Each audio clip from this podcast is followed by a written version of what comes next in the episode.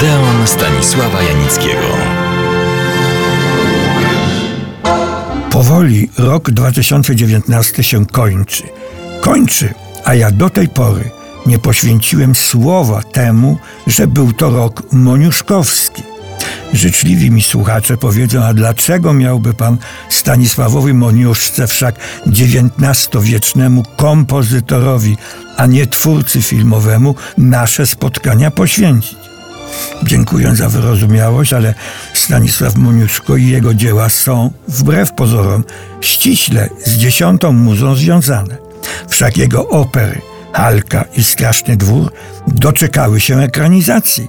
I to nie jednej okolicznościowej, ale kilku, więc weszły na trwałe do historii polskiej sztuki, w tym również historii polskiego filmu.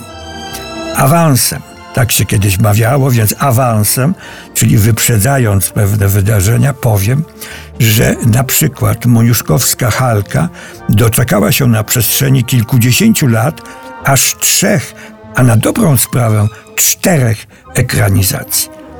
Po raz pierwszy pojawiła się Halka na ekranach w roku 1913.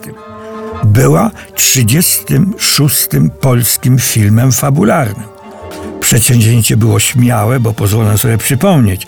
Film był wtedy wielkim niemową, a o jego udźwiękowieniu myśleli tylko marzyciele. Ale dla chcącego nie ma nic niemożliwego angażowano śpiewające aktorki i aktorów, które albo grały i śpiewały, albo funkcje te były rozdzielone.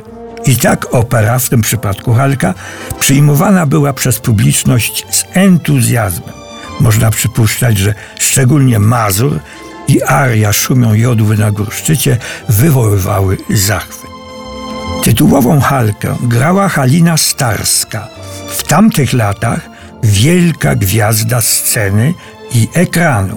Pisano o niej, że, cytuję ówczesną recenzję, obdarzona była bardzo interesującą aparycją, o wyjątkowo pięknych i wymownych oczach, o smukłej i wdzięcznej sylwetce, ponadto odznaczała się nie tylko talentem, ale i ogromną kulturą.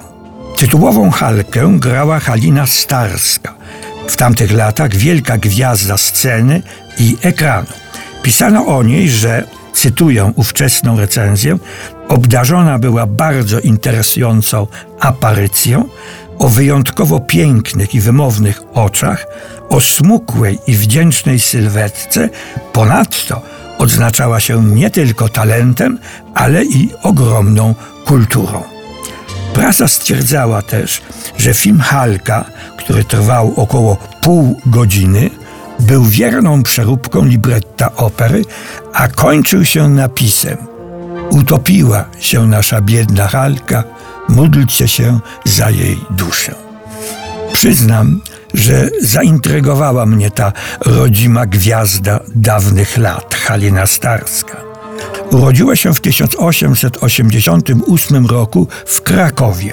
Tu też ukończyła liceum sióstr Urszulanek. Do zawodu aktorskiego przygotowywali ją, no nie byle kto, bo Aleksander Zelwerowicz już wtedy, przed wiekami, znakomity nie tylko aktor, ale i pedagog.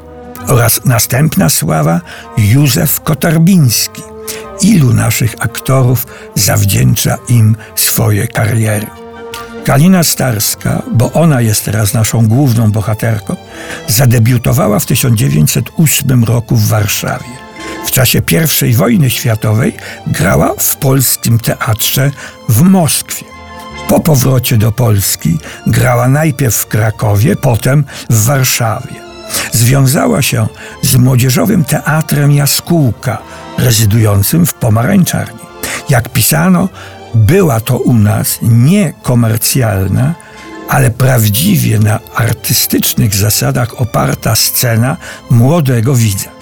W ostatnich latach, przed wybuchem II wojny światowej, tworzyła i kierowała Halina Starska teatrami dla bezrobotnych aktorów. W czasie wojny była przez pewien czas więziona przez hitlerowców na Pawiaku. Kiedy wojna się skończyła, znowu organizowała, reżyserowała i grała w teatrach w Olsztynie, Kielcach, Warszawie. Zmarła w Kielcach w 1957 roku. To jeden z życiorysów polskiej aktorki, szerzej polskich aktorów wieku XX. Dzisiaj, po tylu zmianach w naszym życiu kulturalnym i artystycznym, jesteśmy znowu na punkcie startowym.